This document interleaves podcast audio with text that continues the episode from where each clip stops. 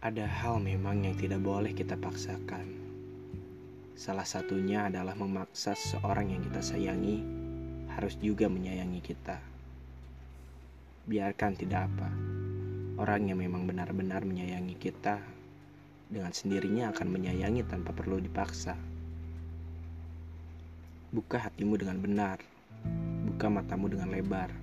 Lihat mana yang memang benar-benar mencintai kamu dengan tulus atau orang yang mengebaikanmu terus-menerus. Kita sudah dewasa kan?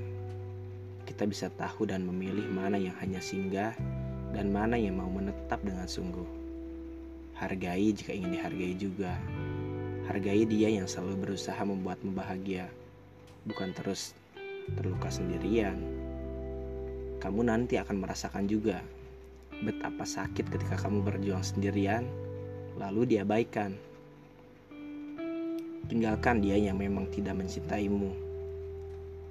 Hatimu butuh rehat sejenak. Tidak perlu memikirkan cinta terus-menerus. Nanti akan tiba saatnya ketika kamu akan menemukan orang yang tepat di waktu yang tepat juga. Sadarlah, jika memang kamu masih mencintainya, jangan terlalu berharap lebih untuk dibalas balik.